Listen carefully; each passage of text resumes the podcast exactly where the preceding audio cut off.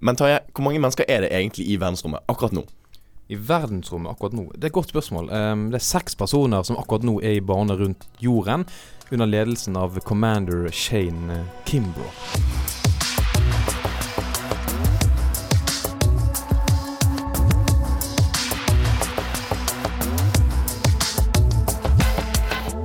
Ja, du hører altså på Piloten, den første episoden av det splitter nye programmet Besserwisser.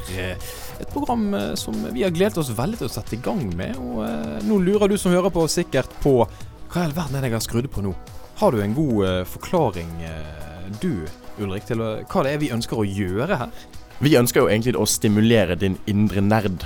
Vi ønsker å få frem at uh, alle har uh, en innebygget uh, lyst til å lære, til å vite, og kanskje ja, mer eller mindre viktige ting.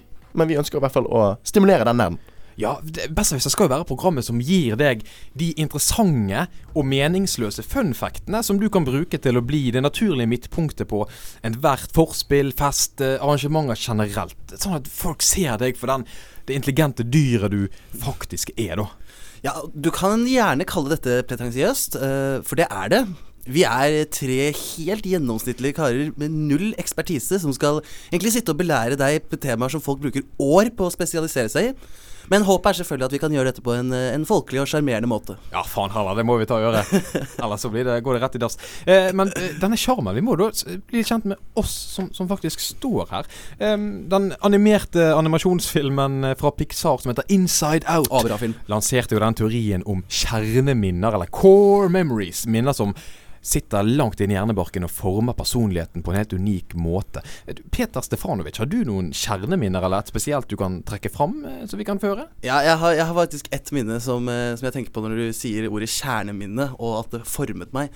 Uh, fordi det var faktisk da jeg var Jeg lurer på om jeg var åtte-niårsalderen, uh, at jeg fant ut at skalla menn ikke ønsker å være skalla.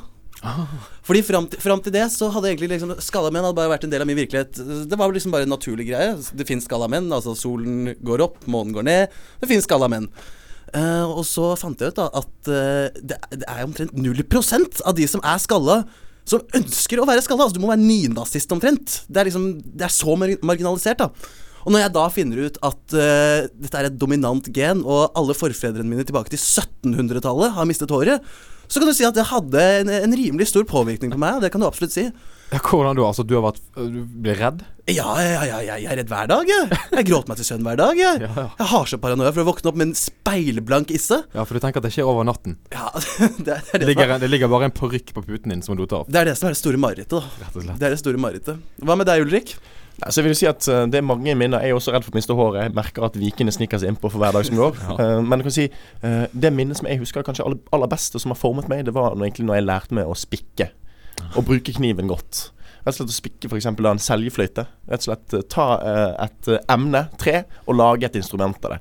Det er sånt minne, så tenker jeg OK, det kan gå alle veier i livet, men i det minste så kan jeg lage min egen fløyte. ja, Så du hadde på en måte det safety-nettet i bunnen? Ja. Du følte det sikkerhetsnettet bare ble styrket på så mange punkter. Ja, riktig. Du kan tenke på det hver gang Hvis du stryker på en eksamen, liksom, i det minste, så kan jeg spikke med en fløyte. Absolutt. Jeg pleier ofte å gjøre det faktisk etter en eksamen. Gå rett hjem og spikke deg en ny fløyte, så du har noe å feire den dagen òg. Rett utenfor eksamenslokalet, vanligvis. Men, eh, men Tarjei, hva med deg? Du har noe core memory? Ja, jeg har det. Altså, når jeg var yngre så var jeg en fryktløs person. Jeg kunne sitte med på sykkelen og bare beinet ned en bakke, full fart, drite i bremser og bare drite i konsekvensene fullstendig. Men en fatal vinterdag i 2007 så havnet jeg i en ulykke når jeg sto på slalåm. Jeg sto på slalåm, jeg ramlet og slo meg og endte opp å knekke hele foten. Ai, ai, ai. Måtte opereres. Jeg ble hentet av snøscooter, og Røde Kors-mannen han sa 'Dette går sikkert bra, du kan bare gå det av'.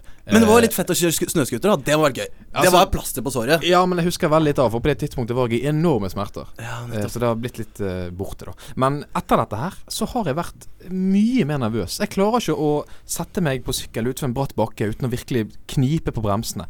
Eh, oh, du skulle ligget på sofaen til Freud, han hadde elsket det her. Freud hadde elsket det. det, ja, Freud hadde elsket det. Så, så, du er enig i at brent barn skyr ilden?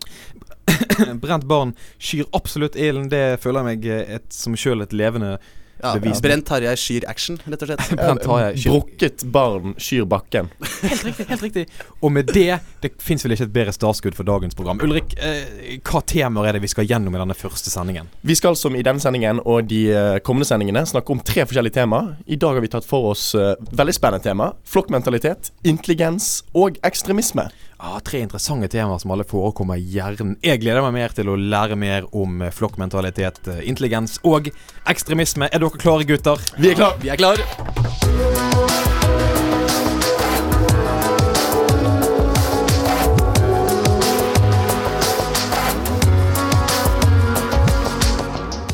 Første av de tre temaene vi har eh, tenkt til å prate litt om i dag, det er det jo du som har eh, gjort litt research rundt eh, Peter Stefanovic. Kan ikke du fylle oss litt inn her? Hva, hva er det du har drevet og, tenkt på siste tiden? Jo, det kan jeg gjøre til deg. Det er, det er faktisk ikke bare den siste tiden jeg har tenkt på det her. Det har opptatt meg faktisk i et par år nå, faktisk. Uh, og det er det som innen psykologien kalles for flokkmentalitet. Og før jeg utbroderer noe videre på det, så har jeg lyst til å spørre dere Hva er deres umiddelbare assosiasjoner når det kommer til ordet flokkmentalitet? Nei, For min del så må jeg si flokkmentalitet. Jeg, jeg ser jo for meg en flokk med dyr, egentlig, først og Hva, hva slags type dyr ser du for deg da? Jeg ser for meg ulv. Du ser for deg ulv? En ulveflokk. Ok, ok, ok, interessant. Ja, ja, Som løper rundt i skogen, som uler mot månen. Og så kommer det andre ulver løpende for å assistere med f.eks. å drepe et annet dyr da, som de kan spise. Ja. Eh, Den, den, det er det første jeg tenker på som slår meg i hvert fall med, med flokkmentalitet. Altså. Ja, ja, det er interessant at du sier det, Fordi jeg tror den aller vanligste assosiasjonen er sauer. Ja, Altså, altså ulvens verste fiende, holdt jeg på å si. ja ulvens erkenemesis. Eh, Nettopp, nettopp. uh, men de, ulven er også et flokkdyr. Uh, men vi, vi skal se litt mer på det etterpå. Hva tenker du når du hører ordet flokkmentalitet, Ulrik? De gangene jeg føler meg mest som et flokkdyr, det er ofte på flyplasser. Når du kommer ut av flyet, du skal videre til neste gate, eller du skal hente bagasjen din, uh, og du følger rett og slett bare folkemengden. Du går i flokk. Det er et eksempel på fullstendig autopilot. Det er det det går i. Absolutt. For det er noe med det du sier, altså, Vi snakket jo nå om dyreeksempler, men vi mennesker er jo også i aller høyeste grad flokkdyr. Og øh, dette sprer seg utover på så mange av de tingene vi holder på med i det hverdagslige. Eh, men bare for å illustrere det, så skal jeg det var, eh, fortelle om en undersøkelse som ble gjort på universitetet i Leeds. Eh, og der satt de masse mennesker inn i en hall, en gymsal. Og så fortalte de til 5% av dem hvor de skulle gå, mens alle de andre eh, skulle bare vandre rundt. Og etter kanskje ti minutter eller noe sånt, da, så viste det seg at 95% begynte å følge disse 5% som faktisk hadde en form for mening, da. Og dette kan jo liksom overføres til det dagligdagse dagligdags også, men grunnen til at det tok det, er liksom fordi det illustrerer på en måte at helt dypt på det dypeste plan, fordi disse folka fikk ikke lov til å snakke sammen. Det var bare et eller annet inni hjernen deres som de ikke hadde kontroll over i det hele tatt, som fikk dem til å følge disse få som faktisk hadde mening, da, og hadde en plan for hvor de skulle gå. Jeg, jeg tror faktisk det er veldig overførbart at liksom 95 av oss, vi er født til å kopiere det alle andre gjør. Vi er sauer. Vi, er, vi sikler oss gjennom tilværelsen og bare spiser ostepop og følger de som faktisk har et sted å gå. Og de 5% da, som faktisk har en mening og vet hvor de vil, de, de er som regel drittsekker. Såpass. Godt eksempel på dette. Godt eksempel på dette. Tenk på Nazi-Tyskland. Ja. Te- Tenk på at Tenk på hvor mange millioner tyskere som faktisk plutselig syntes det var greit at eh, Skal vi se Vi, vi gasser jødene, vi. Vi brenner sigøynerne på bålet. Vi, vi, vi straffepuler de homofile. Altså, noen ganger da så begynner mennesker å gjøre forferdelige handlinger fordi de er inspirert av en idé, og det skal vi snakke om mer om senere. Men jeg tror ikke det var det som var i tilfellet i Nazi-Tyskland. Jeg tror det var mer sånn at Ja, men eh, alle andre gjør det jo. Mm. Sjefen sier det er greit. Sjefen sier det er greit. Absolutt. Og det er jo også sånn at altså, i den ekstreme situasjonen der, så uh, var det jo nød, rett og slett, for uh, tyskerne. De hadde nettopp uh, vært gjennom økonomisk kollaps på økonomisk kollaps. Folk fyrte i peisen med penger. De hadde ingen mulighet for å Ja, som i dag i Tyskland, så går de gjerne på Lidl og shopper litt og koser seg, da. Og trenger liksom ikke å ha noen å skylde på. Men det var jo det som var nøkkelen til Hitlers suksess. Ja, ja, ja. At han klarte da å uh, skylde på noen. Han fant noen som alltid har blitt skyldt på, og det er gjerne jødene. Ja, og et veldig godt eksempel her òg er jo det at um, Hitler hadde jo åpenbart veldig stor tro sjøl på det han drev med. Ja. Han hadde selvtillit. Han var helt sikker på at det han Ja. sa, det stemte med virkeligheten. Ja. Og det kan man jo òg trekke fram. Dette eksempelet du trekker fram fra universitetet i Leeds. Disse fem prosentene som visste hvor de skulle, Mm. de må jo òg da ha vært helt sikre på at det de visste, var korrekt. hvis en av de 95% som ikke visste det, bare latet som at den personen visste det, som gikk rundt selvsikkert og gikk selvsikkert mot et sted, så ville jo antageligvis den personen òg fått følgere, til tross for at den egentlig ikke baserte kunnskapen sin på noe reelt. Det var bare selvsikkerhet og bare Ja, jeg er sikker på at vi skal her. Ja, det er riktig. Så hele det forsøket avhenger av at de fulgte instruksene, disse fem prosentene. At uh, de gikk akkurat der de hadde fått beskjed om. Og så bare etter hvert så bare klumpet det på seg folk, da. Men jeg kan jo spørre dere, da. Hvis vi sier dette da, at 95% er sauer, og 5 er uh, ja, si ulver, da, istedenfor gjeterhunder. Er du sau, eller er du ulv? For, altså, det varierer vel fra eh, fra eksempel til eksempel, ikke scenario til scenario? Eller må jeg rett og slett innfinne meg med at alle valgene og alle meningene jeg har, rett og slett er basert på en form for opinionsleder? Jeg føler dette kan generaliseres veldig. Altså Jeg føler du nesten fra fødselen så er du, du er født siklende sau eller bitende ulv, holdt jeg på å si.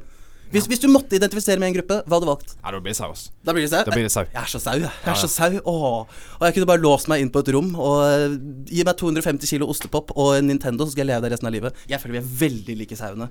Og det er også, Man prøver jo å forklare liksom mange menneskelige egenskaper evolusjonært. Og vi stammer jo fra apene, og uh, lenger bak enn det også, så har det jo vært tidligere vært liksom at vi har For å overleve, rett og slett, så har vi trengt å være sauer.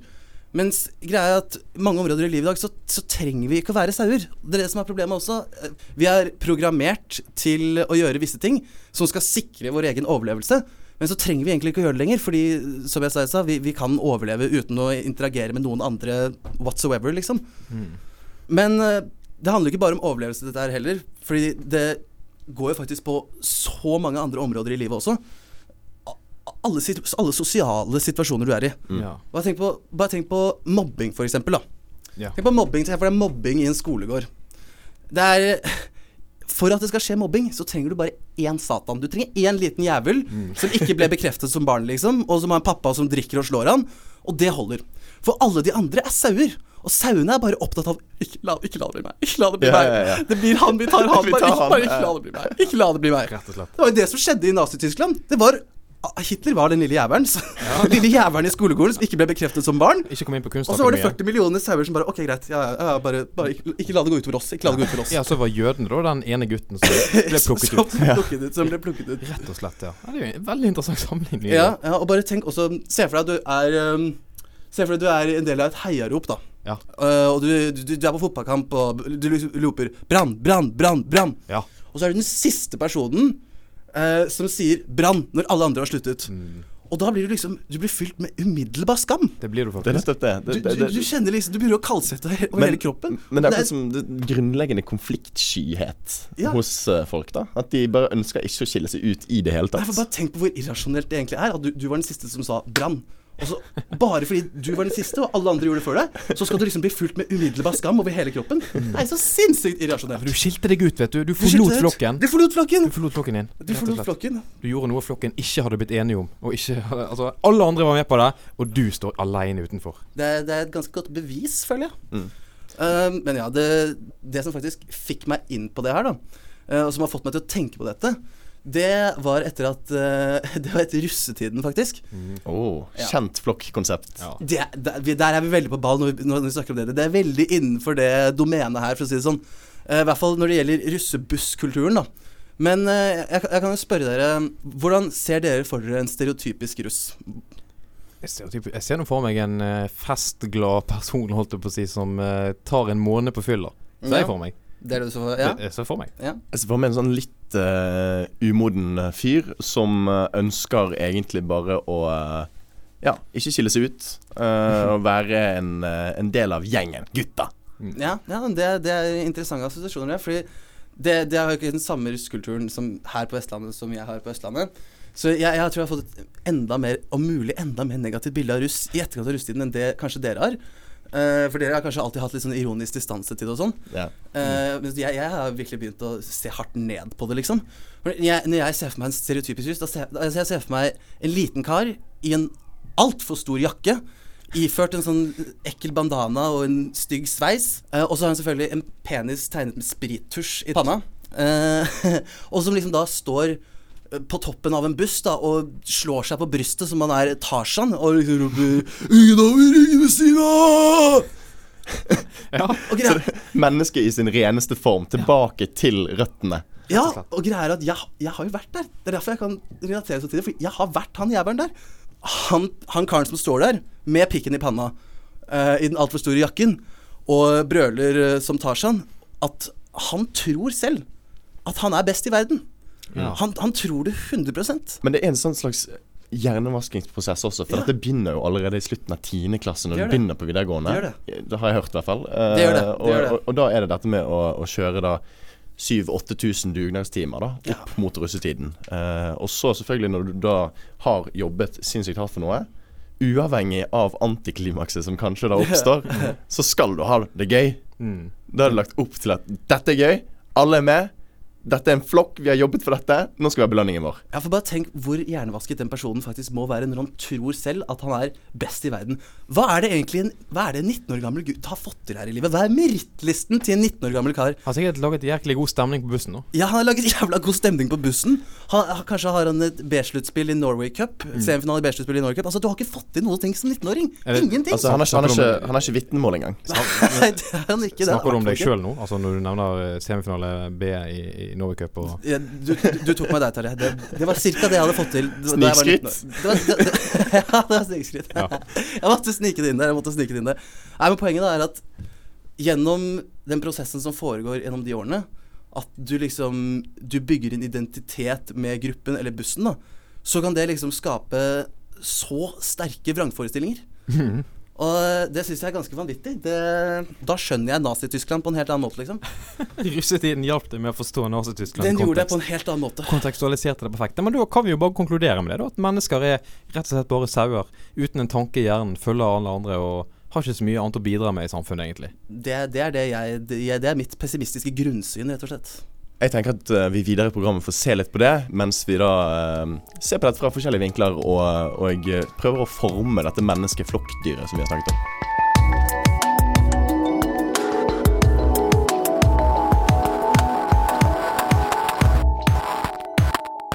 Flokkmentalitet eh, kan altså sies å være tett knyttet opp mot uh, det neste temaet vi tenkte å ta opp. Jeg vet at det er du, Ulrik, som har uh, lyst til å introdusere oss litt for dette fenomenet vi skal ta for oss nå. Vi skal nemlig snakke litt mer om fenomenet intelligens. Og det Svært er jo et enormt fenomen hos, hos alle dyr, egentlig. Men mennesker er jo spesielt kjent for det, da. Ja. Um, og jeg tenker at det russebuss-eksempelet til Peter her, det er jo et uh, stråleeksempel eh, flokkmentalitet. Og flokkmentalitet kan vi si er en slags sosial um, intelligens. Ja. Fordi du tilpasser deg liksom da eh, det etablerte, det du må forholde deg til, og det er jo det som har gjort at vi har vært så dyktige eh, i denne verden, eh, fordi vi har klart å tilpasse oss. Det er det viktigste. Ja. Men det er altså mange typer intelligens. Og de vi ofte snakker om, det er IQ, EQ og SQ. ja, riktig. Og IQ-en er jo den eh, gode gamle kjente som uh, vi Kanskje, Du har kanskje tatt en IQ-test, uh, Tarjei? Har du det? Uh, det ikke så jeg kan huske, altså. Jeg tror jeg tok en da jeg var liten, men det var jo da jeg var liten, da. Ja, Ja. riktig. Ja. Det var jo ikke forutsetninger egentlig for å Nei! Nei. Jeg må bare si at det, det er- mitt verste mareritt å skulle ta en IQ-test og få tallfestet uh, mitt egen intelligens. Det hadde, jeg tror det har fulgt meg resten av livet. Eh, Jeg orker ikke tanken på det engang. Ja, for min, altså Frykten for meg er jo det å få tallfestet min manglende intelligens. Ja, det er jo det det, det er det som er frykten. Å, bra omformulert. Og det, det, sier det er jo også- sier jo litt om hvor mye vi eh, setter i intelligensen. da Ja, Og ja, hvor, hvor, hvor redd vi er for å på en måte være kanskje under gjennomsnittet. ja, ja, ja. For det, altså, IQ-en går jo veldig mye på dette med logikk. Eh, vokabularet ditt, og rett og slett eh, den lærdommen eh, du klarer å, å ta opp eh, gjennom da utdanningen din eh, på skolen. Ja, det er erfaring av livet generelt. da Erfaring i livet generelt. eh, det du klarer å tillære deg. Det handler egentlig om Intelligens handler jo i stor grad om hvor dyktig du er til å lære deg nye ting og Mm. forstå sammenhenger. For Men eksempel hvis noen brenner seg på en kokeplate. Hvis de har lav IQ, kanskje de gjør det en gang til. For de skjønte ikke helt, exactly. skjønte helt at det hadde sammenheng. De skjønte ikke den. Sant? Du kan, jeg, jeg kan merke Oi, jeg kan stå i timevis. Jeg bare må slå av og på lyset. Mm. Uten å helt skjønne. Hvorfor gikk det av nå? Hva, Ja, hva jeg altså, har jeg den makten Mm. i min hånd Ja. til å styre en bryter? Altså, det er vilt. Men du kan si, du kan si uh, EQ-en derimot uh, går jo mer på da det emosjonelle. Mm. Hvor flink er du å sette deg inn i en annen persons tanker og følelser, eh, og klare å se ting fra den personens eh, perspektiv? Føler du at du har høy EQ, Peter? Jeg føler, jeg føler at jeg har høy EQ, men jeg føler det er litt klisjé å si det. For jeg føler liksom det er, det er noe alle sier. Jeg er menneskekjenner, altså. Når, når noen kommer inn i et rom, så kan jeg se med en gang hva de føler. Ja, det, mange, mange ønsker nok å ha høy EQ, for det. eh, det er ofte en Ja, det er en, det er en snarvei til å få seg noe, da. Ja, jeg føler liksom det, alle, alle som ikke er autister, hevder selv at de er menneskekjennere. Sånn Ja. føler jeg egentlig at det er.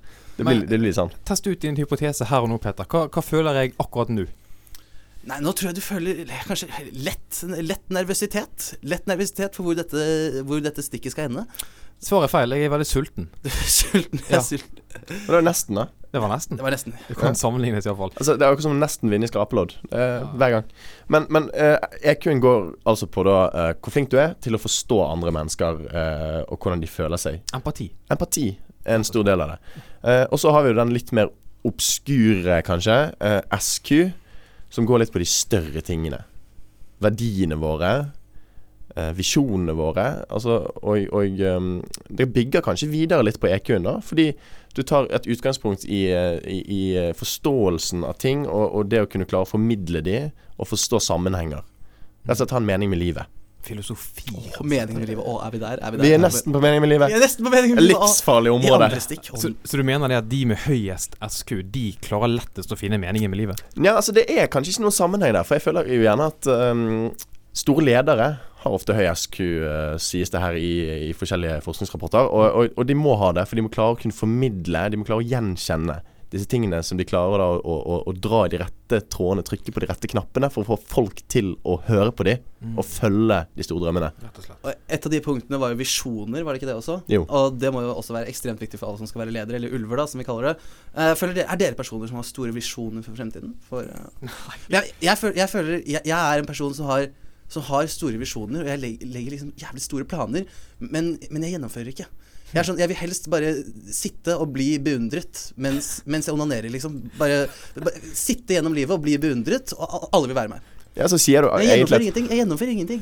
livet ditt er et langt nyttårsforsett, rett og slett. Det er, det er et nyttårsforsett som aldri tar slutt. Det er så bra formulert. Det tar aldri slutt. For min del så må jeg si at jeg eh, Jeg vil ikke kalle meg sjøl en visjonist i det hele tatt.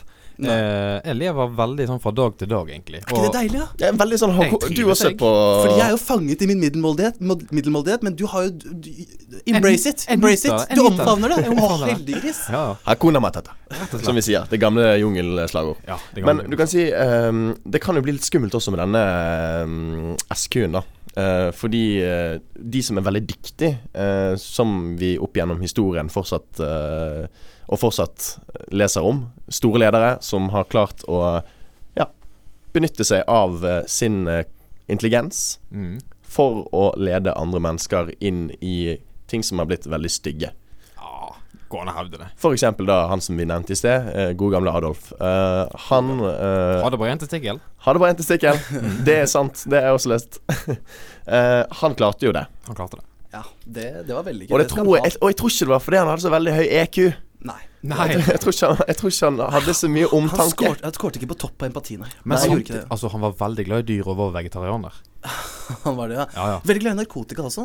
Var det òg? Ja, han var narkoman. Ja, ja. Kanskje, vi- kanskje vi skal bare snakke om Hitler en hel episode en gang? Ja, men, for det, jeg tenker, men, men altså det, det er en fin person å illustrere på, for det er en, det er en ekstremitet. Sant? Mm. Det er en um, som du ikke finner uh, andre steder. For det at her må det jo ha vært en fyr som har hatt høy IQ, fordi at han var strateg.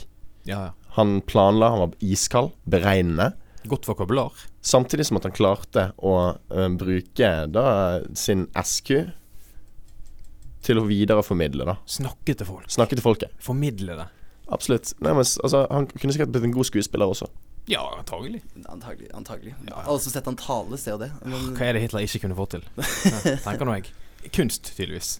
ja. Ja, kunst. Han, det, han var ikke helt Altså, han var jo sikkert bedre til å tegne enn f.eks. meg, Mm. uh, men han kom ikke inn på dette berømte akademiet. Det er jo en, en, en gammel røverhistorie. Men det er et spørsmål også om hvilken type kunnskap og intelligens man verdsetter Ja. uh, i samfunnet i dag. Og jeg føler jo at det er en som går desidert igjen. Hva tenker du om det, Petter? Jeg tenker IQ, selvfølgelig. Uh, og grunn, det er det jo, i hvert fall hvis du sammenligner med disse tre. da Uh, Intelligens kan jo være så mangt, men hvis du sammenligner med disse tre, så, så er det IQ. Og liksom den litt sånn analytiske intelligensen, da, på en måte. Og det verste er at jeg har også alltid verdsatt den høyest. Eh, og aldri, aldri vært god på det. liksom Aldri vært god i det hele tatt. Uh, og jeg vet ikke, Kanskje det er fordi det er, fordi det er samfunnet som, uh, som verdsetter dette høyest. Og, og det blir et sånt krasj, da. Det blir et krasj mellom mine ferdigheter og det ønsket om å være supersmart og dritgod i matte. Og det kan, det kan føles sånn superpretensiøse greier. Sånn, det, var, det var en periode hvor jeg liksom skulle, skulle lære meg kvantemekanikk. da Jeg var, jeg var 12 år, eller jeg var 14 år gammel, jeg skulle lære meg kvantemekanikk. Jeg lå liksom i sofaen og spiste Grandiosa i, i baris og liksom spadde navlelo ut mens jeg prøvde å lære meg kvantemekanikk. Mm, det er veldig kult å kunne si at du kan kvantemekanikk. Ja, Det ja. er kult. Det er noe du kan Jeg på et nei, forspill. Ja, men jeg, jeg, jeg, jeg lærte meg aldri kvantemekanikk. Jeg sier jeg har lest tre bøker om kvantemekanikk. Jeg trenger ikke å si noe mer utover det. Jeg kan bare si jeg har lest tre bøker om det. Ja, du, du kan høre på meg, for jeg har lest tre bøker om eh, kvantemekanikk. du blir umiddelbar autoritet, liksom. Ja, ja, ja. Folk setter seg automatisk under deg. Eh, men det du trekker fram, dette med hva samfunnet verdsetter, er interessant. Jeg leste en artikkel her av ph.d.-kandidaten Ronald E. Riggio. Han skriver om lederskap. Og han skriver at det er en misoppfatning i at en god leder nødvendigvis trenger å ha god IQ. Han trekker faktisk frem, som du også har nevnt, SQ-en og EQ-en som langt mye viktigere. Du trenger selvfølgelig alle tre for å være et fungerende menneske på høyt plan, men at IQ-en får litt for mye cred eh, enn det en egentlig fortjener for å lykkes eh, i verden. tror jeg er et veldig godt eksempel. Og hvis du kan være veldig konkret, da. Uh, Apple, et av, ver et av verdens største selskaper, Uh, de startet jo med Steve Wozniak og Steve Jobs. De to Stevene, ja. De to Stevene, ikke sant. Og der, hvis vi bare gjør et skille der, da, så vil jeg tro at Steve Wozniak veldig høy på IQ. Veldig høy på IQ, ikke så høy på de to andre. Steve Jobs tror jeg ikke nødvendigvis skårte så veldig høy på IQ. Men jeg tror han hadde veldig høy både EQ og SQ. I hvert fall SQ. Og det var jo han som Det var han som var den store lederen. Og sammen, hva ble de sammen? Dynamitt! De ble dynamitt. De ble dynamitt. Sammen ble de dynamitt. Men her er litt, uh, for å sette ting litt på spissen her, da. Det er ganske mye Jeg anser meg selv for å være lite religiøs, f.eks. Ja. Uh, og jeg føler at uh, religiøsitet er et interessant tema når det kommer til intelligens. Fordi at vi liker å se på oss selv som rasjonelle, tenkende mennesker. Absolutt. eh, som, som skjønner ting og forstår at alt har en naturlig forklaring. ja, ganske arrogant, egentlig. Litt arrogant er vi, og jeg kan godt forstå at uh, i visse situasjoner og um, ja da så er det viktig å ha uh, også en sånn spirituell uh, tilknytning til noe. Mm. Eh, men tror dere at folk som har et høyt nivå av religiøsitet, er rett og slett mindre intelligente? Jeg tror det, ja. Eh, det, er bare, det er egentlig bare basert på det at jeg tror at de som er mest religiøse, er liksom Vi snakket om sauer. Jeg tror de er de verste sauene. Jeg tror de er de aller mest maniske sauene. De som skal, skal inn mot midten. Og, og som lettest lar seg påvirke av ideer. Så eh, ja, jeg tror det. Jeg tror Det er de som er nærmest liksom blank sheets da når det kommer eh. Ja, men da vil jeg trekke fram dette her med at uh, hvor er det folk er mest religiøse? Jo, det er ofte stedene der det er mest nød, hvor folk trenger noe å støtte seg til.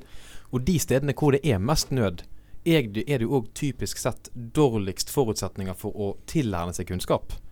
Det kan være et godt poeng. Det kan være et godt poeng Og det er faktisk en forskningsrapport nå uh, som har kommet ut uh, i 2011 fra University of Edinburgh, Uh, Scotland. Scotland ja. Som har funnet en sammenheng her, og tatt utgangspunkt i da syv forskjellige nivåer av religiøsitet. Og funnet en sammenheng mellom at lav intelligens har en direkte sammenheng da med å være mer fundamentalistisk, mer religiøs og basert på å leve et liv som opptar seg mer av eh, religiøse verdier.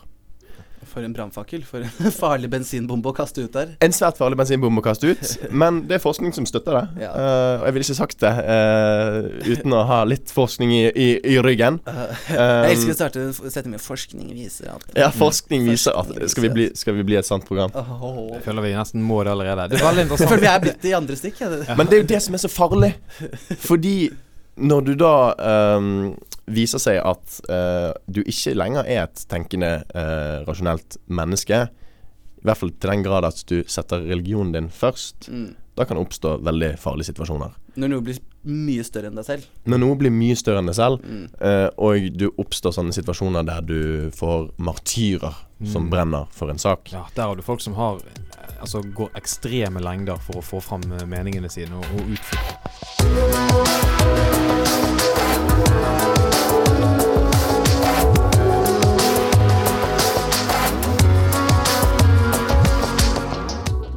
Og det tredje og siste temaet vi eh, tenkte at det var interessant å snakke litt om i denne sendingen her. eh, Det er jeg som har gjort litt research på og tatt med meg, syns det er veldig interessant å, å se litt nærmere på. Og det er temaet ekstremisme. La meg spørre deg først, eh, Ulrik. Hva, når jeg sier ekstremist, hva er liksom den assosiasjonen du umiddelbart gjør deg? Det kan ha noe med det som eh, opptar meg i disse dager, men det navnet som jeg kom opp med her først og fremst, det er Kari Jakkesson. Ja, riktig. Uh, og det er av den enkle grunnen at jeg føler at Sjarmerende, Jakkesson. Uh, Men, men det, jeg føler at um, hvis dine meninger dikterer hvordan du oppfører deg mot andre, til en sånn grad at det blir ubehagelig, til og med for folk som ikke er der å se på, da føler jeg du, da føler jeg du er ekstremist. Ok, så det er din umiddelbare assosiasjon, altså? Ja, det, det er min definisjon òg. Hva, hva med deg, Peter? Er det noe du umiddelbart tenker? Ja, nå har jo Ulrik allerede sagt uh, Kari Jakkesson. uh, så, så, så jeg vet ikke. Det må jo bli en eller annen Abu Bakar al-Baghdadi eller uh, i, I den gjengen der, da. Breivik. Det, det, det er jo den gjengen der. Mm, ja. Ekstremisme det baserer seg bare på ordet ekstrem. Mm. Og at noe er ekstrem, det er egentlig bare definert av at det er det ytterste.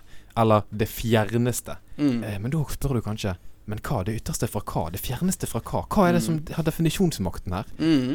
Og det er jo rett og slett bare de normene og, og reglene som gjelder generelt i samfunnet. Mm. Så når du er en ekstremist, da er det, går det rett og slett ut på at du har meninger som er ansett som fjerne fra det som er normalen. Mm. Og da er man jo kanskje Kanskje alle har en liten ekstremist i seg. Ja, og det finnes jo ikke noen sånn mm, fasit her.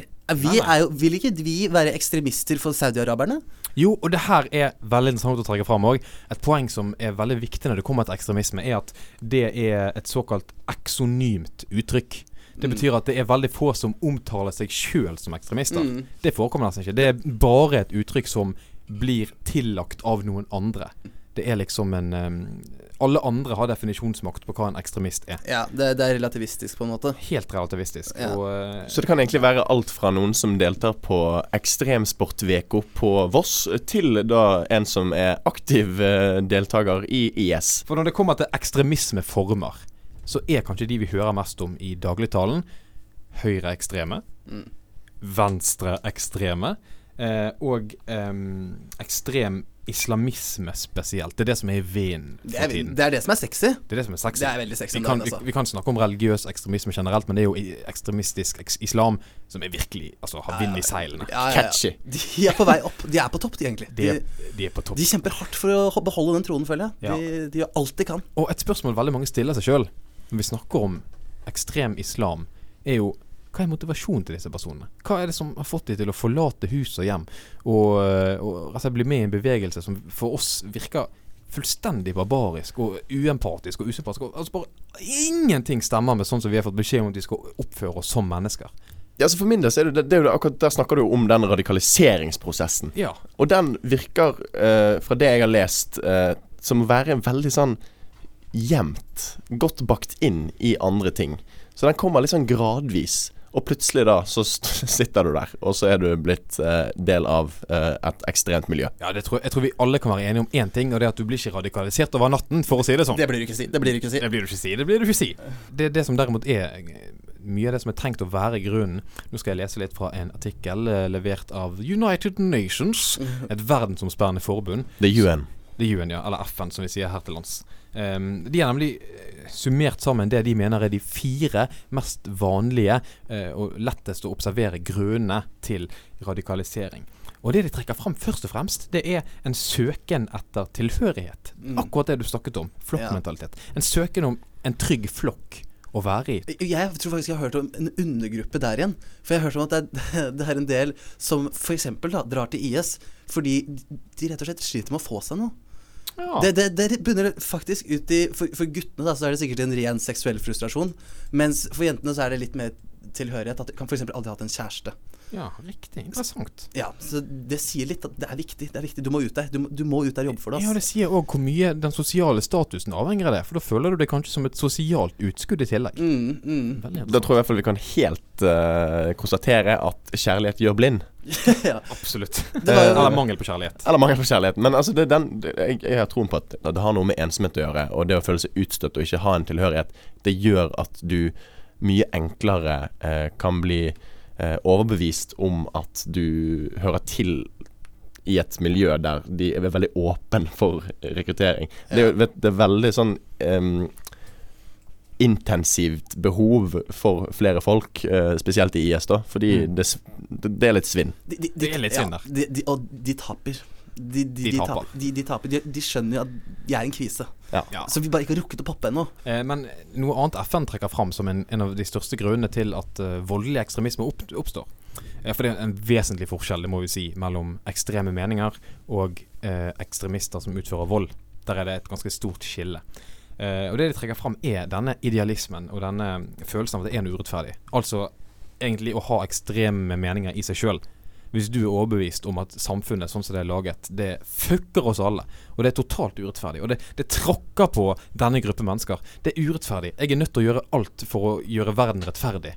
Har du det tankesettet, da er du på vei til å bli radikalisert ifølge The United Nations. Um, en annen faktor som FN trekker fram som grunn til voldelig, det, det trekker fram sosial frustrasjon. Og da peker de ofte på folk som rett og slett har hatt et hardt liv. Ja. Folk som har hatt uh, foreldre som har drukket, som har slått dem, folk som har blitt Ja. misbrukt, folk som har vært fattige, folk som har bodd på gaten. Ja. Folk som rett og slett bare er frustrerte på samfunnet generelt. ja. Og det er jo òg Det skjønner jeg. Ja, naturlig hvis, å tenke. Hvis jeg hadde blitt grisebanket, så hadde jeg, jeg hadde fått en sånn følelse Jeg må skylde på noen. Mm. Selvfølgelig må noen skyldes på. Det er jo Du har en frustrasjon mot samfunnet Det det generelt. jeg, det skjønner jeg veldig godt. Eh, Og den siste her, som jeg, jeg syns er litt fascinerende, er at de trekker fram en søken etter spenning Mm. og mening med livet. Rett og slett Ja. folk som eh, ønsker et mer spennende liv. Altså, noen begynner med ekstremsport, andre begynner med ekstrem islam. Noen begynner med heroin. Noen begynner med heroin. For eksempel. Men da søker du kanskje mer etter chill. Ja, men du, ja, ja, det gjør du, men det er et tomrom der, ikke sant? Et tomrom? Et, et tomrom du må fylle. Enten du fyller det med heroin, eller du fyller det med Hellig krig. hellig krig. Ja, det blir jo mye det samme. Har du fått eh, tatt det første skuddet, enten med heroin eller en AK, så må du ta et til. Ja. Men det er noe med det, for at, eh, det er jo noe man har sett også eh, opp gjennom historien. F.eks. Den kjente forfatteren Ernest Hemingway Ja. dro jo frivillig ned eh, til den spanske borgerkrigen og kjempet der.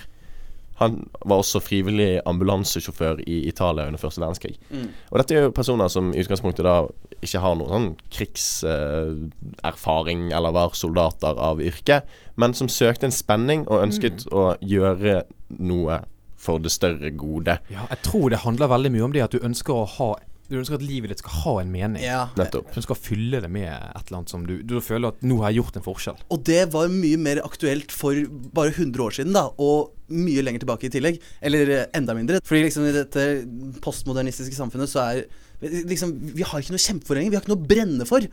Så ja, da, da, da sitter vi bare på rommet vårt og spiser ostepop og onanerer, da. Det er jo Det er det det går i. Det er det, er, det, er det det går i. Så jeg, jeg skjønner veldig det er godt den derre Den derre Søken. Søken, ja. Men da må vi jo spørre her, da, for nå sier du at vi har ikke lenger noe å brenne for. Men hvis, hvis du måtte bli medlem av en ekstremistisk gruppe, hvilken gruppe er det egentlig du hadde foretrukket å gå inn i og, og identifisert deg med? Jeg tror Jeg har, har tenkt på dette spørsmålet før, faktisk. Eh, og jeg, jeg tror jeg ville blitt IS-kriger. Og det handler litt om hvordan de, de har liksom skjønt det med belønning. Ja. De, og, og da handler det spesifikt Altså, jeg ville blitt en eh, Altså en islamekstremist. Jeg ville ikke blitt kristendom. Kristendommen er billig, ikke sant. Så lenge du tror på Jesus, så er det greit, da kommer du opp dit. Men, men det er ikke så sexy. Det er ikke Nei, så nei, nei. IS er liksom sånn Hvis du blir en martyr, så får du Du får 72 jomfruer når du kommer til paradis. Og disse jomfruene er liksom 16 meter høye. Så du kan ligge der oppe og Er de sove 16 meter de er 16 meter høye. Så du kan ligge og sove i kløften på en 16 meter høy eh, jomfru, og du får 72 stykker av dem. 72. Jøss. Så de har skjønt det belønningssystemet mye bedre, da. Så det er egentlig det som trekker meg dit. Jeg er ganske enkel. Ja, du er enkel fyr, rett og Ja, slett. rett og slett. Hva med deg, med Ulrik? Altså, jeg er jo um, Jeg liker jo veldig godt historie og sånne ting, da, så jeg føler på en måte at Vigrid, uh, den uh, høyreekstreme der, da, som spiller veldig på sånn vikinggreier, Ja. det kunne jeg kanskje trivdes Det er noe sexy der, altså. Det De er, har det, noe. er, det er noe med det. Altså, De har det, noe der. De går ut i skogen, sånn, så står de med en øks, og så sier de et eller annet på, på norrønt. Og så Det tror jeg kunne vært kult å være med på, bare for å oppleve. Um, Det er litt sånn selvrealisering, rett og slett. ja, egentlig. Interessant. Personlig så ville jeg uten tvil eh, i dagens uh, marked gått for uh, venstreekstremisme. Dette Blitzhuset. Kaste, Ja, kaste Molotov-cocktails på politiet og, og bare altså, si ah, det er noe Fuck the big man! Det er noe å fortelle barnebarna, det der. Altså. Det er noe å fortelle barnebarna. barnebarna. Bli arrestert mens du forsøker å for eksempel tenne på ja, en bank eller lignende. Så du, du, du, det du egentlig Det tomrommet da som du har, det er egentlig mangel på et ungdomsopprør. Du har aldri hatt det. Ah, jeg vil jo egentlig Altså Hadde du spurt meg da jeg var 14 år gammel, så ville jeg svart eh, Hei, tar jeg for meg kommunist. Eh, Jeg modererte meg litt. Uh, Ja, du, gikk, du, gikk du rundt med sånne skje-T-skjorter? Nei, skje-T-skjorter gikk jeg aldri med. Det gikk du aldri med. Jeg gikk med en liten button.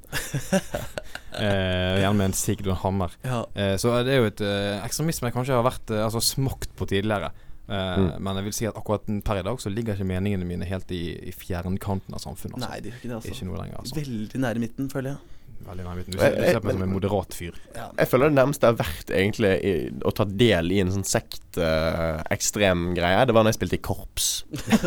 For det, det, altså, det, selve den korpsgreiene, det er ganske skummelt, altså. Ja, det er det, det er en del av det. Sant? Du er liksom sånn ja, Greit, du går i 5.-6. klasse og lærer deg å spille et instrument. Kult nok, det, liksom.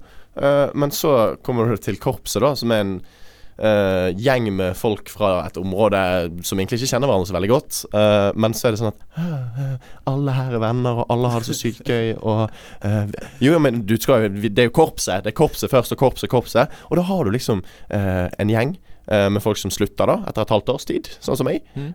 Og så har du de som blir i korpset litt for lenge, Litt for lenge. Å, du må ikke gjøre det. Du må ikke finne på det. og blir på en måte da 18 år. Og så slutter de ikke helt i korpset. De kommer fortsatt på de store eventsene og vanker liksom i korpsmiljøet. Og til slutt så ender de opp til å sitte i styret i korpset. Uh, og for min, for min del så er det litt skummelt, for det er en sånn hjernevaskingsprosess over mange, mange år som gjør at du da setter korpset, da, f.eks. før andre ting. Jeg husker en gang så måtte jeg velge, da. Det var en liten sånn uh, greie. Da måtte du velge om jeg skulle om jeg skulle dra på sånn uh, lasertag-bursdag, Ja, gøy det. Wasteland. eller om jeg skulle på basar med korpset. Og da, da satt min mor ned foten og sa at eh, du skal på lasertag. Ja, ja. Åh, det er bra. F- Bra, bra bane. Bra bane. Sant? Så det, det, det, heldigvis har jeg hatt eh, riktig oppdragelse, da. Ja, det var det som reddet deg. Og det, og det er igjen sant, da, da kommer jeg igjen til å lære mine barn at det, det er viktigere med lasertag enn med, med korps. Det er viktig, viktig å, å ha balanse både i livet og på brettet.